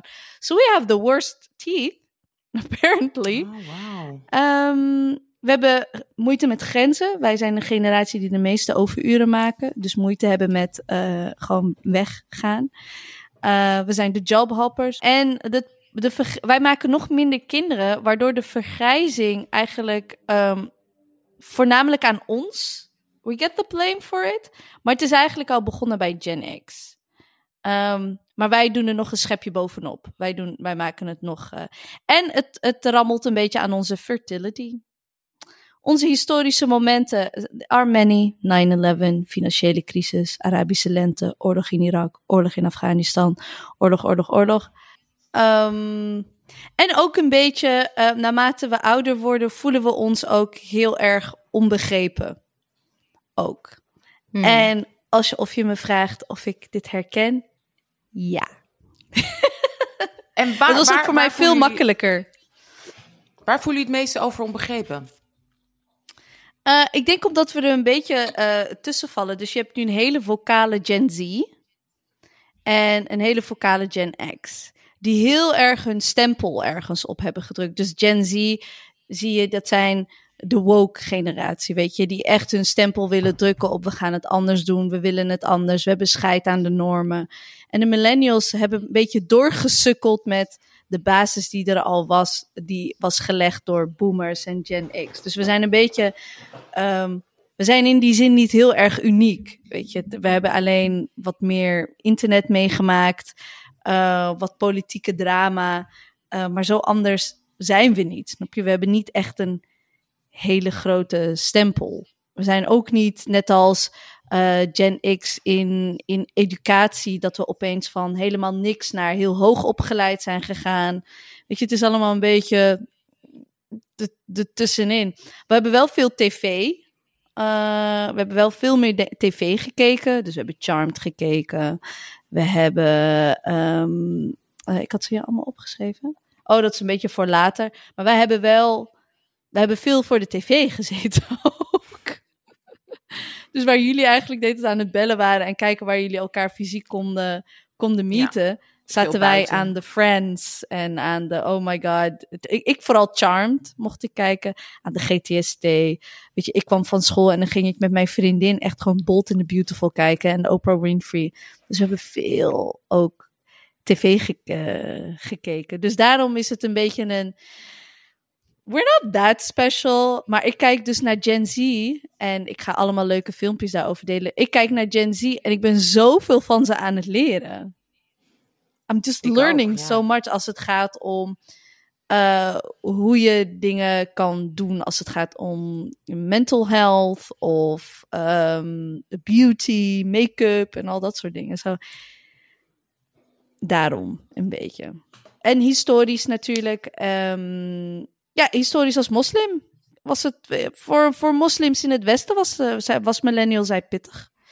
Uh, ja. Want je was net, net te jong om heel weerbaar daarvoor te zijn. maar oud genoeg om het mee te krijgen. Dus de meeste waren rond na 9-11, rond jaar 11, 11, 12, 13. Ja, wauw, heftig. Wauw. Wat zegt de psycholoog over jullie? Want je hebt ons, eh, hè, de psycholoog heeft over ons eh, dingen gezegd en over jouw generatie, uh, Marjan. Oh, onze, uh, even kijken, dan moet ik even kijken wat ze hebben gezegd. Uh, er komt de, in, uh, de, wij hebben dus economische schommelingen voor lief genomen. Dus wij dachten eigenlijk van ja, zo zit de wereld gewoon een beetje in elkaar. En ook met COVID was dat ook weer een bevestiging van Oh, another one. Oh, 2008 was er eentje. En daarna nog eentje. En daarna nog eentje. Dus wij zijn heel erg zo van. We zijn ook niet per se een generatie. En dit is wel echt van wat ze zeggen, de psychologen erover zeggen, is. We zijn ook niet een hele outspoken generatie. En dat, en dat zie ik wel, want tijdens mijn generatie. Weet je, zijn zoveel bezuinigingen doorgevoerd zonder enig protest. Wij zijn degene die onze lening zijn verloren. Uh, waarin, weet je, onze gezondheidszorg, uh, eigen risico. Wij zijn daar nooit echt in protest voor gekomen. Ja. Want we dachten, ja, zo, zo hoort het en zo gaat het. En woning zo omhoog, weet je. In mijn tijd was het heel normaal om een kamer of iets, weet je. En dat, dat hebben jullie oh, nee, totaal niet kunnen meemaken. Ik bedoel, Gen Z ja, heeft het zwaarder daarin, hoor. Maar uh, wij gingen... Wij hebben, wij hebben heel veel geleend. We hebben ontzettend veel uh, geleend in die zin. Uh, het is heel grappig when you said that um, Generation X is degene die uh, ontzettende stempel drukt. My reaction was defensive, omdat uh, het kan, het, het, kijk, het, het, is natuurlijk nu tien jaar verder, maar when millennial, de millennial generation heel erg uh, stempel begon te drukken in de, in de cultural, uh, in de psyche, zeg maar, in de conventional wisdom in het Westen, is het juist, het ging heel erg tegen de boomers, want die hebben het gewoon verpest voor iedereen. Ja. Uh, en omdat de boomers het verpest hebben, hebben wij ook, like, onze bestaanszekerheid is ook niet zo heel erg. Uh, de vooruitzichten zijn, if you're like, als je modaal inkomen hebt of whatever, it's not really, die vooruitzichten, pensioen, we hebben het ook, we'll never have the same kind of boom dat de boomers hebben gehad. En de, nee. en de Gen Xers hebben nog minder. En uh, het interessante is wel dat when the um, when the economic crash happened, 2008, the major, complete and total utter meltdown uh, of the financial world. Um, het waren juist de millennials die heel erg uh, de straat op gingen. De, you know, like the 1%, the move, the Wall Street, mm-hmm. the mm, Occupy Wall Street, the Occupy movement ja, ja. is millennials, weet je wel. Ja. En dat is, het is wat er nu gebeurt because of technology, because of social media, because of uh, dat, dat, dat, dat overdaad aan uh, nieuwsconsumptie dat sneller gaat dan ooit tevoren is ook uh, our collectieve herinneringen worden steeds korter en korter en korter. Because that was like, the Occupy movement was a really, rel net zoals nu de, de Extinction Rebellion movement. De Occupy movement was also best wel sterk, maar ze hebben het nooit uh, waar kunnen maken because they, politically, they were not left. Ze waren nog steeds liberals. En terwijl ik denk dat de um, generation De, hoe heet ze nu? Millennial en dan heb je de... Uh, Z. Gen, Gen Z heeft natuurlijk gekeken naar wat er mis is gegaan met millennial movement. En die hebben echt zoiets van, oké, okay, we need to go back to the basics. Want je ziet ook in Amerika dan vooral de unionizing dat terug naar de basis. De, heel veel multinationals daar unionizing. Dus ze hebben, de Gen Z heeft juist geleerd van millennials, niet Gen X. Want Gen X is ook de generatie die, I think in numbers, uh, Anusha, you said it in the groepsapp a couple of days ago, where our numbers are not that much. Ja, het zijn kleiner dan, uh, dan millennials. Ja, we zijn kleiner dan millennials. Dus we are juist, we zijn juist when people are talking about the, the battle of the world, niemand heeft het over Gen X. Like the boomers. Versus millennials en Gen Z. Ik Kamala Harris ja. is echt zo'n voorbeeld. Zo van, ze is er wel, maar ze is er niet. Ja, it's just like we, we, we are in that sense in, in, in this big battle going on. eh, Ja. Omdat Nog we ook gewoon een beetje... oude, ja, boomers. om- ja. Omdat we echt zoiets hadden van, eh, onze houding was like, ja, het is toch allemaal shit. Worden we ook in die, in, in die zin een beetje eh, overgeslagen, wilde ik even zeggen. Maar wat is Het Rutte is een eigenlijk? triple down.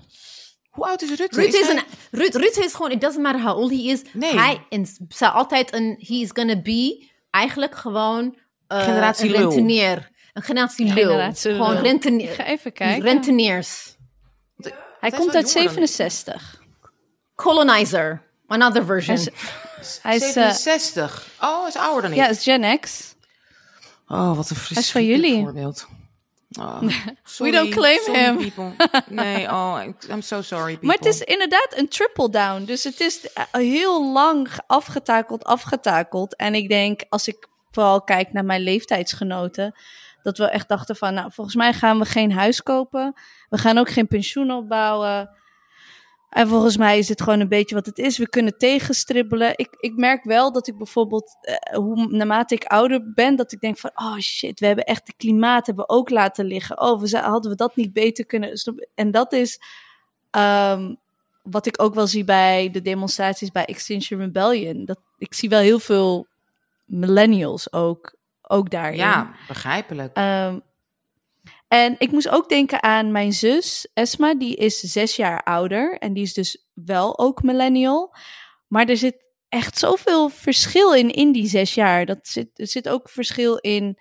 Eh, zij mocht natuurlijk meer toen dan ik. Dus zij was al eh, dingen aan het kijken. Zij mocht GTST kijken en ik was nog met Barbies. eh. Laatst hadden we het over, hadden we een verjaardagsfeestje. En kende zij, was Spice Girls wel echt heel groot voor haar. Terwijl ik dacht, hè, maar dat is toch meer voor mijn generatie. Maar blijkbaar hebben we dus heel veel dingen wel allebei meegekregen, maar op andere manieren. Dus ook zeg maar de, de kiss van Madonna, Britney Spears en Christina Aguilera. Weet je, dat is, was voor ons echt zo.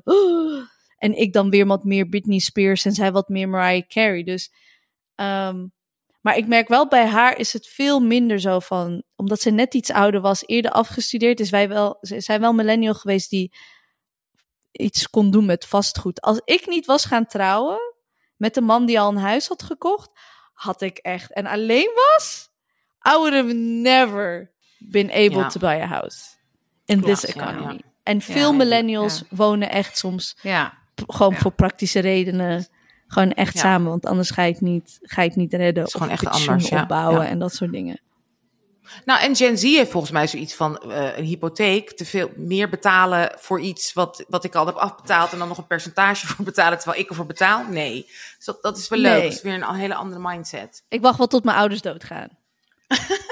Nou ja, of meer je- van, waarom- weet je, tiny houses. Of weet je, wa- wa- waarom moet je een, ja, hoe, bezit wordt al heel anders naar gekeken, volgens mij. Door in ieder geval de activistische, de oudere Gen Ja. Z'ers.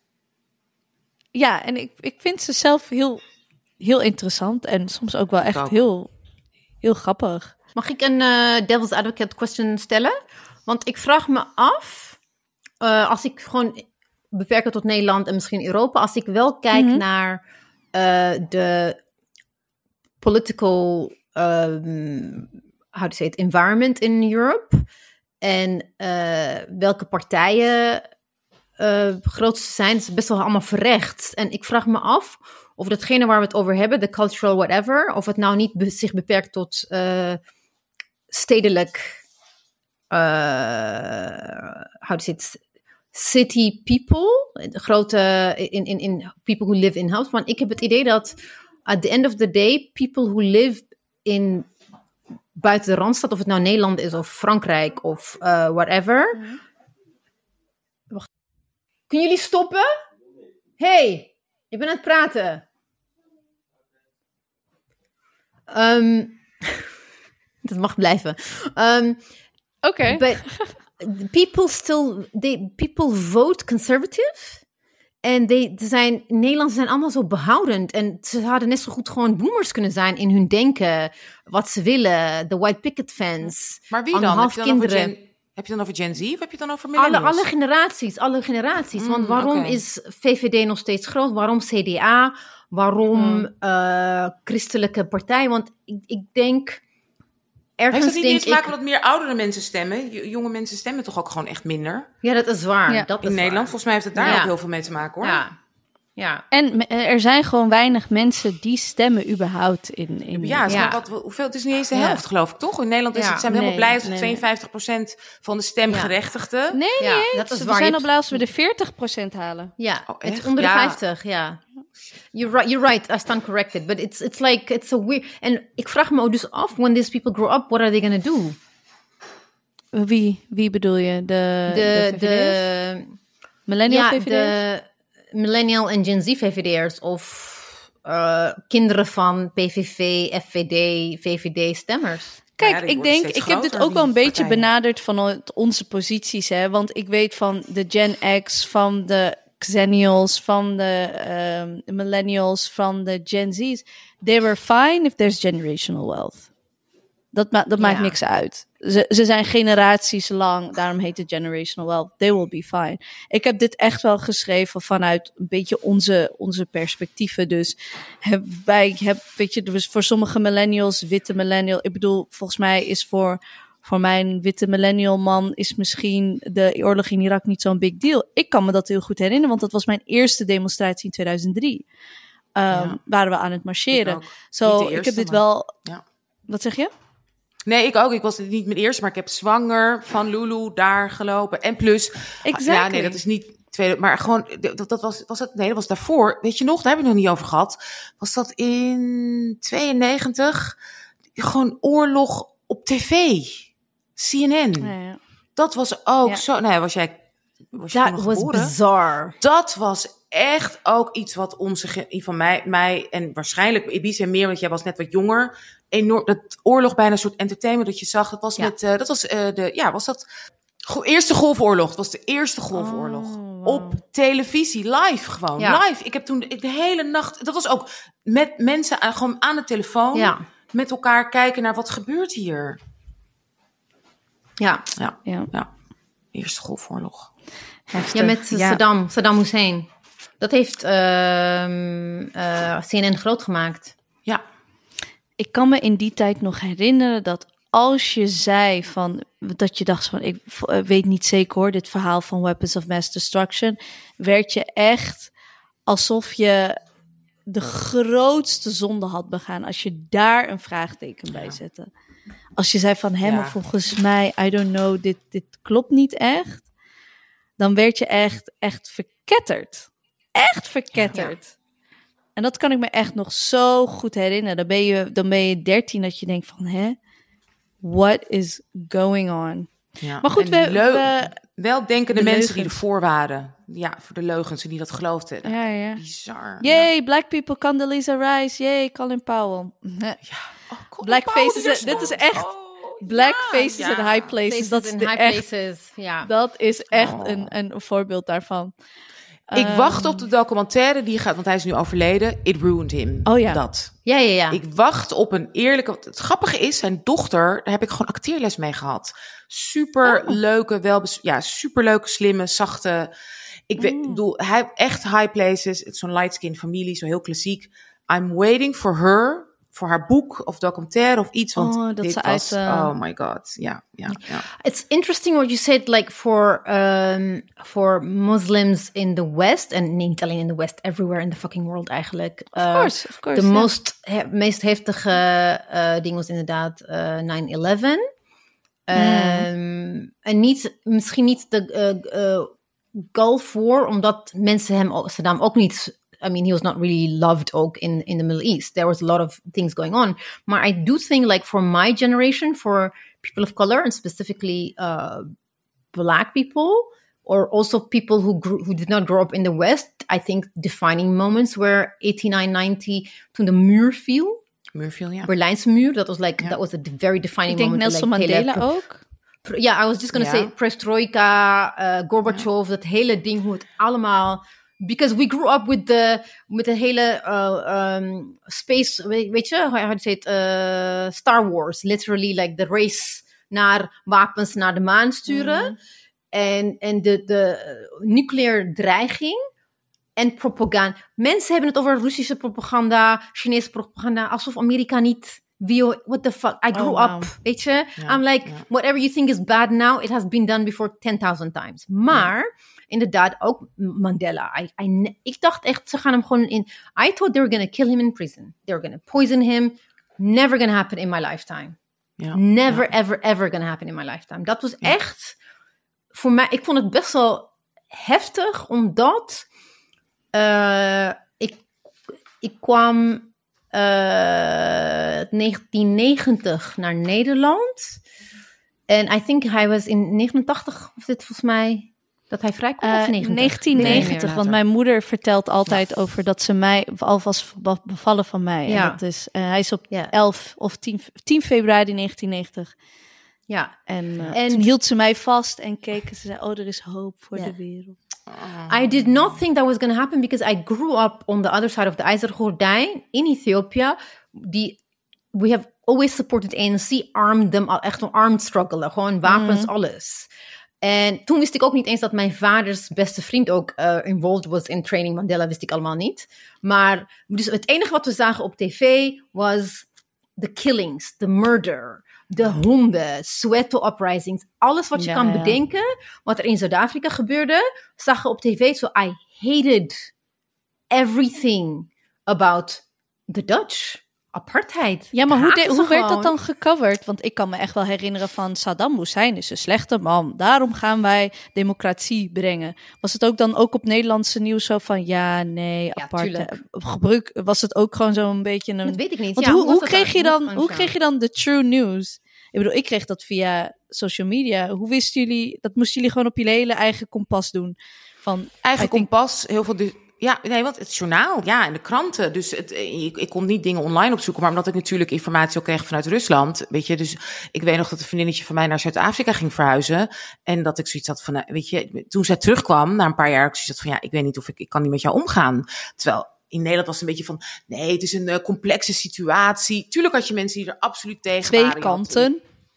Ja, maar je had ook mensen absoluut er tegen waren. Hè? Maar het was natuurlijk ook meer, waar we het ook wel eens eerder over hebben gehad. Ik, ik kom nog net een beetje uit het stukje van de verzuiling. Dus je was of links of rechts en er zat niks tussen. Snap je? Dus ik las de juiste, hè, quote unquote, de juiste linkse krant. Ik keek de linkse tv, links, dus eh, de nieuwsprogramma's. Dus dan keek ik naar, weet ik veel, keek ik niet naar KRO Brandpunt, keek ik dan niet.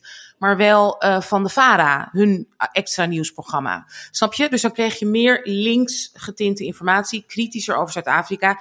Dan als je bijvoorbeeld eh, naar Brandpunt van de KRO keek. Waar het meer was van, nee, maar het is ook, weet je, het is, er wordt ook wel ontwikkeling gebracht in Soweto, bij wijze van spreken. Ja. Oh ja. Dus het was, oh. was veel, ja, dus zo, zo, en, en bladen, en eh, buitenlandse bladen. En dat was dan heel spannend. Dan ging je naar, eh, weet je, winkels waar je ook platen kon Hmm. kopen. Daar lagen dan ook Mm. internationale bladen.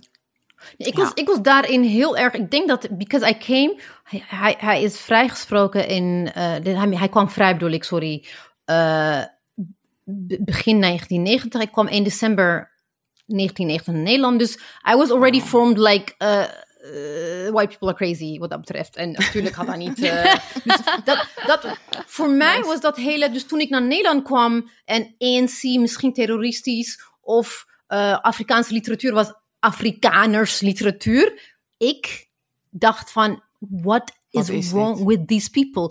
Mensen zeiden tegen me, oh, lees je Nadine eh Gordimer? Lees je eh, J.M. Coetzee? I'm like, why the... Ja, Antje like, why? Ik, ik zei let- letterlijk tegen mensen, waarom de fuck ga ik een witte Zuid-Afrikaan lezen? I was like, Ja. eh, Zo'n no, leuke taal. sorry. Zo leuk, leuke Ik taal. zeg van, sorry, maar ik ben anders herkenbaar. opgevoed. Mijn, vader is basically like a Marxist revolutionary. I'm like, are you... Ik snapte Nederland gewoon niet. Ik snapte niet. Zelfs mensen die aan de goede kant van eh, anti-apartheid waren, hadden nog steeds dat bevoogdende white saviorism. En het kwam niet overeen met mijn sensibility. Dus ik heb, ik heb nog nooit, behalve, I think, Doris Lessing, is she South African or she's Zimbabwean, Rhodesian, I don't know. Ja, ze- ja, maar volgens mij ook veel in Amerika. En Ja. volgens mij is ze niet, ze niet daar Behalve- het hele leven ik gewoond. Ja, door ik heb geen enkele witte- Ja. Ik heb nog nooit een witte Zuid-Afrikaanse eh, roman gelezen. Ik Ja, Koetsier kan ik sowieso niet tegen. Tik ja. het. Ik, ik Ja. doe het gewoon niet, sorry. Ik denk Like, voor mij, wat, wat ik had was, toen begon Al Jazeera. Eh, Ja, welk jaar was dat? 1996. Ja, wauw. Ja, dat was ook een ding. Dat hebben we ook niet genoemd trouwens. De Balkanoorlog, Ebice, was ook een ding. Hallo.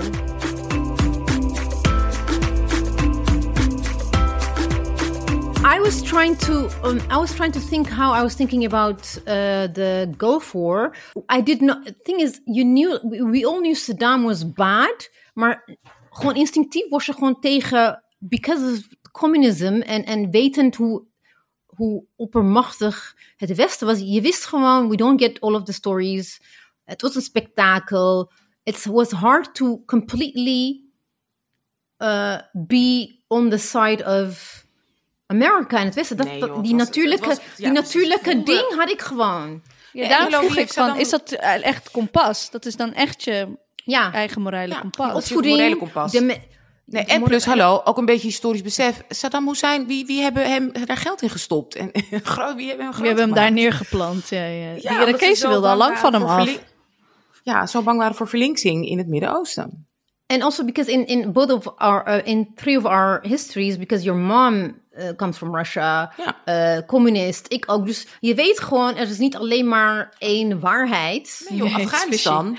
Dus nu de Taliban, Ah, ja. waar iedereen nu zo... Dat Ja. is, die, is, die zijn, de zijn letterlijk van de CIA eh, altijd geld Ja. gekregen. Ja, bedoel, maar kan je je voorstellen als je dit zei, Anousha, als je dit zei, dan was je complottheorie. En soms ik word ik daar het bijna nog verdrietig van. Vrees, mijn neef Ja. zat in het Russische leger, joh. Ja, dus het was verschrikkelijk, ja. ja Maar nee, ook als je dat zei over ISIS in Syrië, als je dan zei van ja, volgens mij worden deze, nou, dan was echt de wereld. En dan lezen we nu weer de British Secret Intelligence hebben het Oh, ja. bijna zelf opgestart, bijna hun eigen clubpie.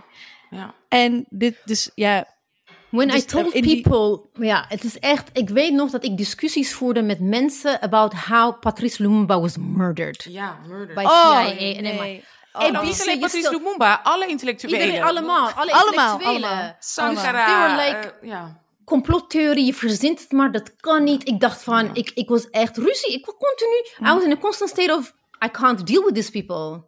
Ik voelde me dan zo onbegrepen. Ik voelde me zo onbegrepen. Eigenlijk mijn hele tienerjaren. Zo van, I am really just this alien. Ja. Want blijkbaar is dus die hele vrijheid van meningsuiting. Ayaan Hirsi Ali, Theo van Gogh, Mohammed B., eh, Pim Fortuyn, noem het maar op. En dan dacht je van, oké, maar dit is mijn mening. En dan werd je helemaal kapot gemaakt. Ja. En dan dacht je, maar ik heb het gezien. Ik kan me nog heen dat ik wel eens zei van... Oh ja, maar ik heb dat gezien op El Jazeera. Oh, kijk jij, El Jazeera, dat Ja, zijn terroristen. Terwijl het waren gewoon echt hele rijke ja. oliemensen in Qatar. Die ook worden gesupport door Bin. Ik bedoel, hallo. It's 9/11, all, de, hele, yes. de hele familie van Bin Laden werd, werd gewoon weg, werd, werd, werd zeg, maar met kolonnes, met, met politiekolonnes weg, veilig uit Amerika eh, gevlogen. Het is, het is zo schijnheilig en bizar allemaal. He- heeft het misschien te maken met, kijk, eh, zelfs, kijk, even if you're second generation eh, Mariam, en Anousha, je was wel vier toen je naar Nederland kwam, maar je was wel gewoon echt jong. In die zin kon je, but I think, uh, because also your, your parents were young toen ze naar Nederland kwamen.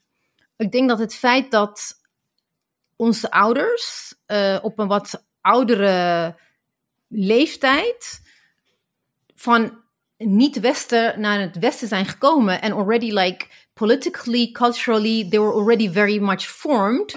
En wisten, wisten al van, oké, wacht even, this, this whole idea of het Westen gaat, it was never part of our, um, in our household, maar daar- daardoor ook alle andere vluchtelingen die uit Ethiopië kwamen, in, in which circles my parents zich begaven, politieke vluchtelingen, were, we- ze- iedereen zat bij elkaar van, wat een onzin, weet je. Dus ik- je zit daar gewoon, je mocht niet meepraten, maar je luisterde er gewoon mee, wel mee. Dus we already had always this, this question everything.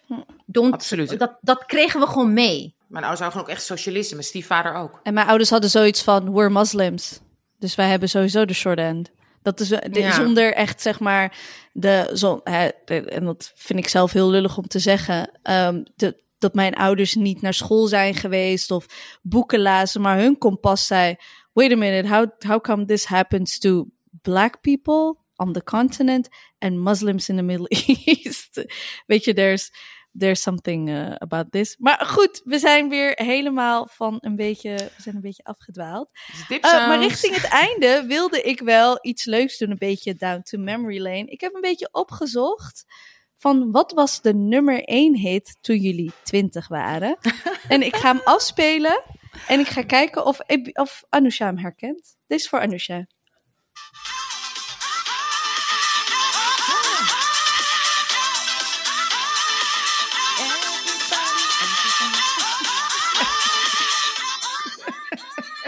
Weet je wie dit is? Everybody, everybody, everybody, everybody. Toch? Right on time is dit.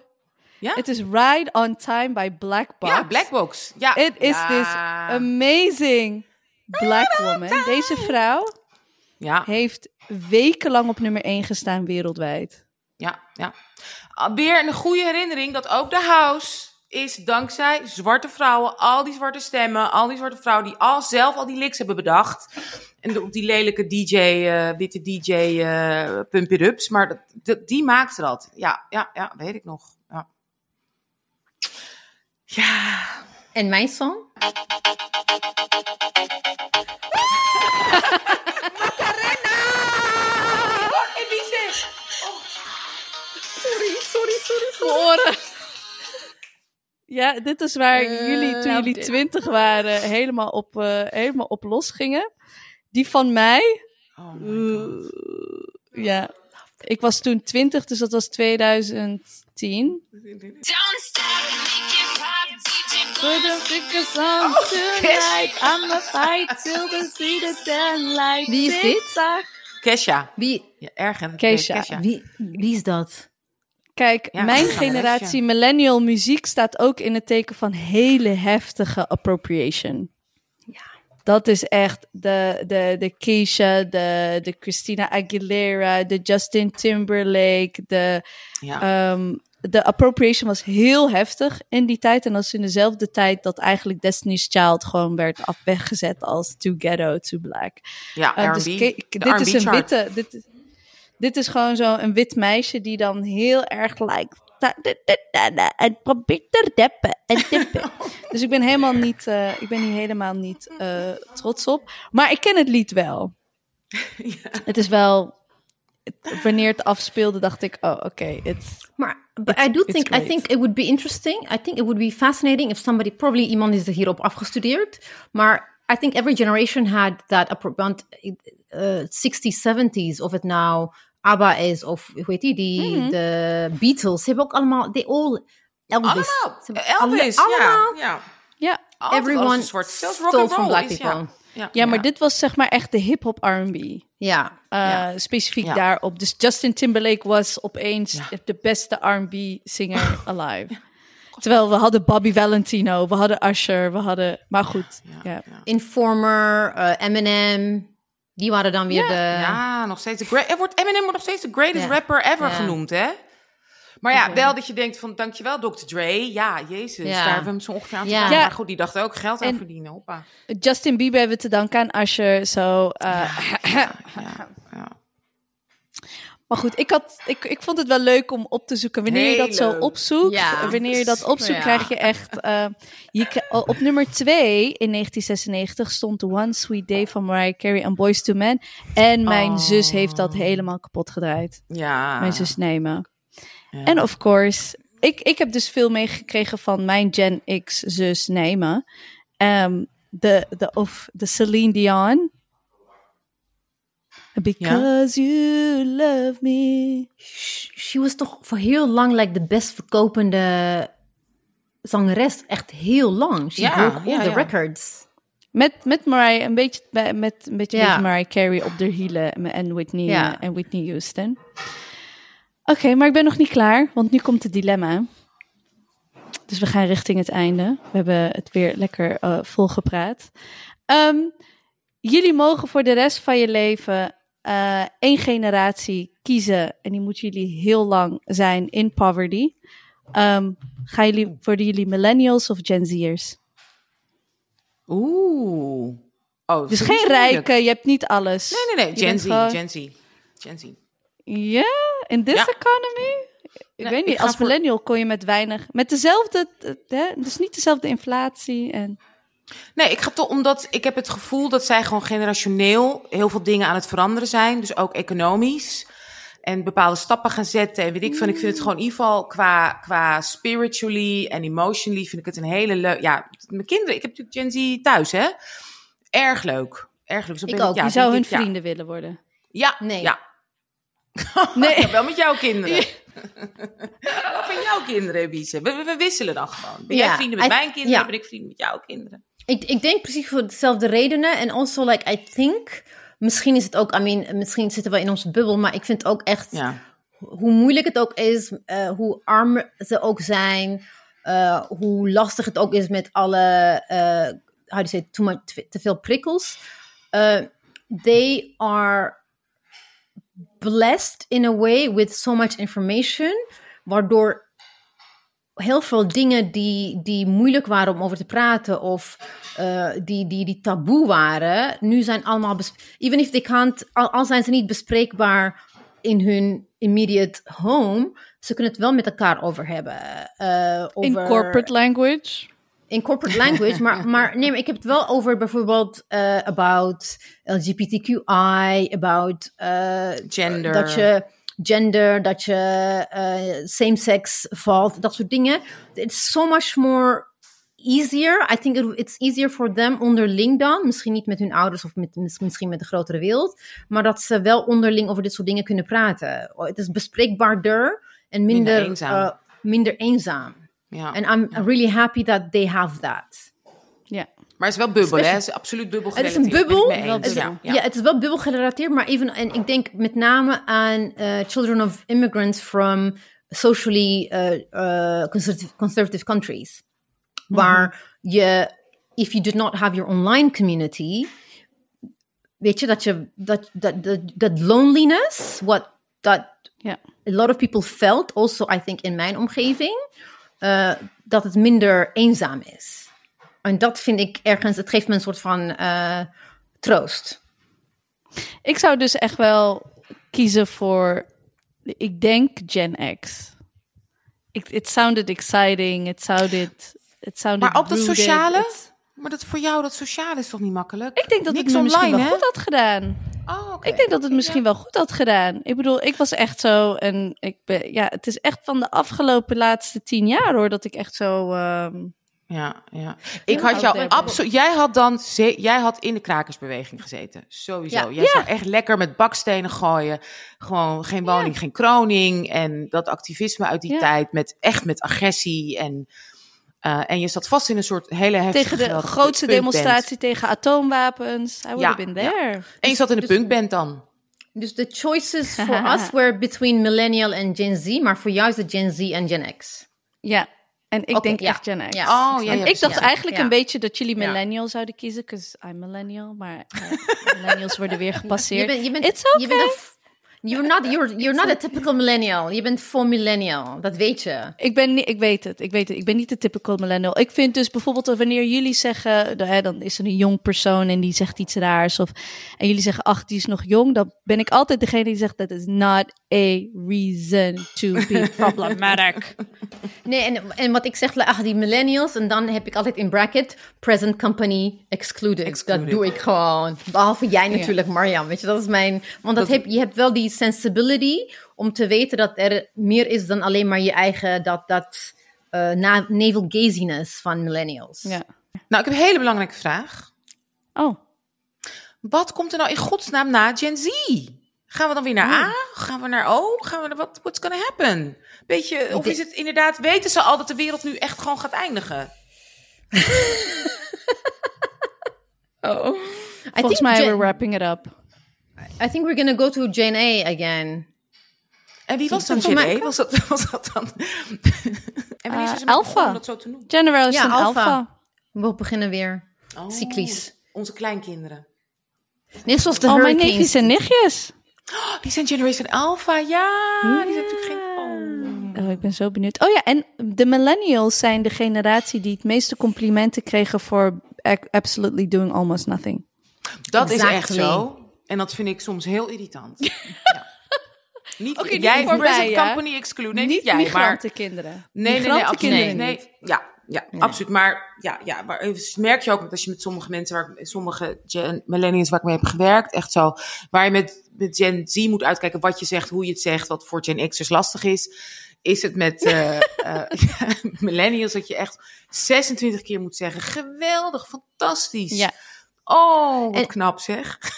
Maar het is ook, millennials zijn ook kinderen van ouders die heel erg bewust hebben gekozen om kinderen te krijgen. En dan Van- heel erg cuddly Ja, even zijn gegaan. Even daartussen, van wie zijn jullie ouders dus? Dat zijn dus niet Gen X. Uh, Zijn het dan dus toch ook, de, want onze ouders zijn een beetje de early, hè, de jongere boomers.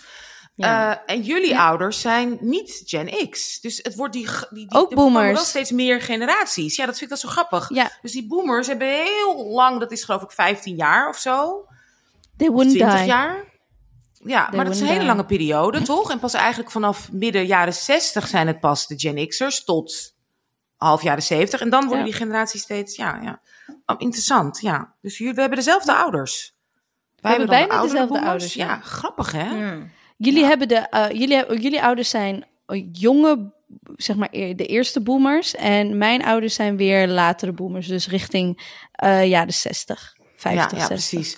En dan zijn onze kinderen zijn inderdaad, eh, van, geval van Ebise en mij, zijn eh, Gen eh Z'ers. En de kinderen Z. van jou, van jouw zussen die al kinderen hebben, zijn eh, Alpha.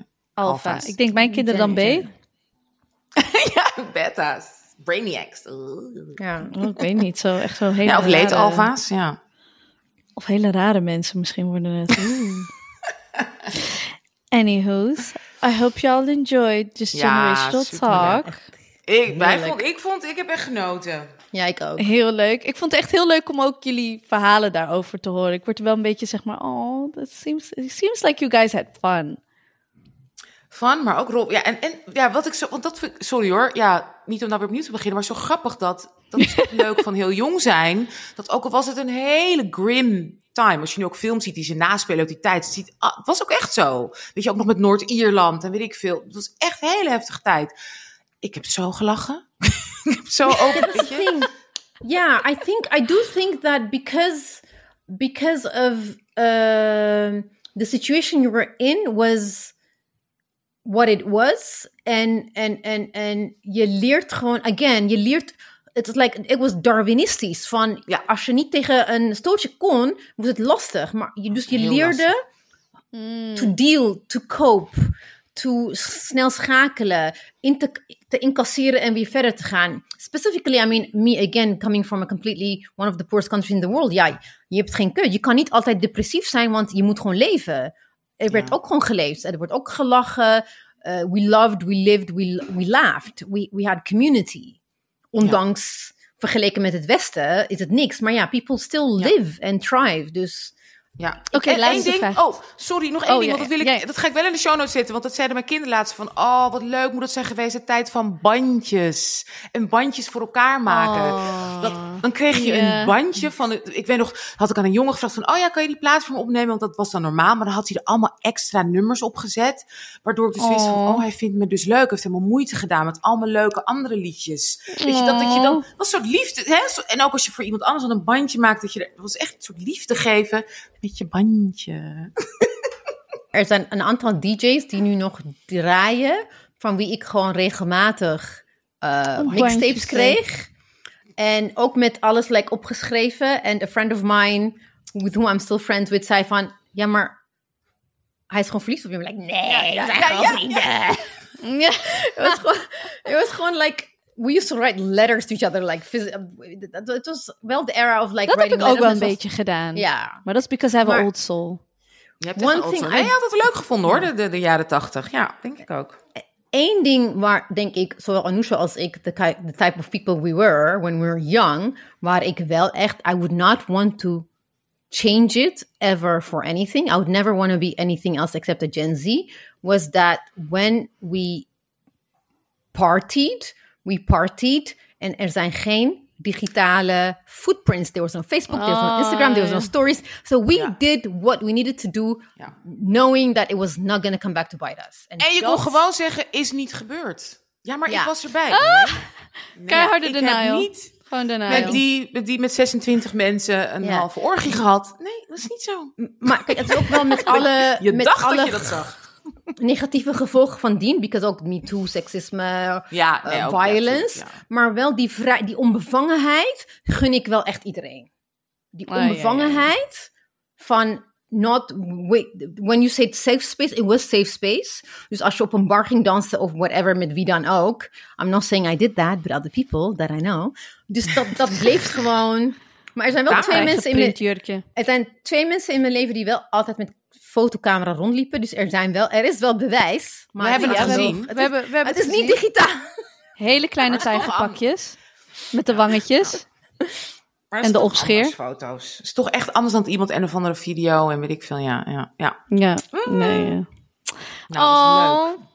Thank, you, so Marianne. much. Heerlijk. Alsjeblieft. Heerlijk, en dankjewel. eh, nu, zijn we, nu zijn we aangekomen tot het einde van de aflevering. Bedankt allemaal voor het luisteren. Voor jullie support. Blijf ons overal volgen op Instagram. Daar ga ik nog veel meer content over generaties delen. Ik, heb, heb- ik ben echt er wel ingedoken. Ook op TikTok. Hele, hele grappige filmpjes. Ehm, blijf ons volgen, want we werken ons de ballen uit de broek. Is dat een goeie? Hey! Hey! Ah! Nog nooit van Free gehoord. from desire. You be from disturbed by the feeling. Ik weet niet welk jaar is dat? 80, 90? La, la, la, De jaren Die is 90. niet zo oud. Nee, die is echt jong. Jaren Die is- mijn 90. kinderen Oh, oké. hem. Ja. Oké, ik voelde me, ik voelde me eventjes uit. En dan gaan we zeggen tegen iedereen, lieve luisteraars. Bye! Bye! Bye!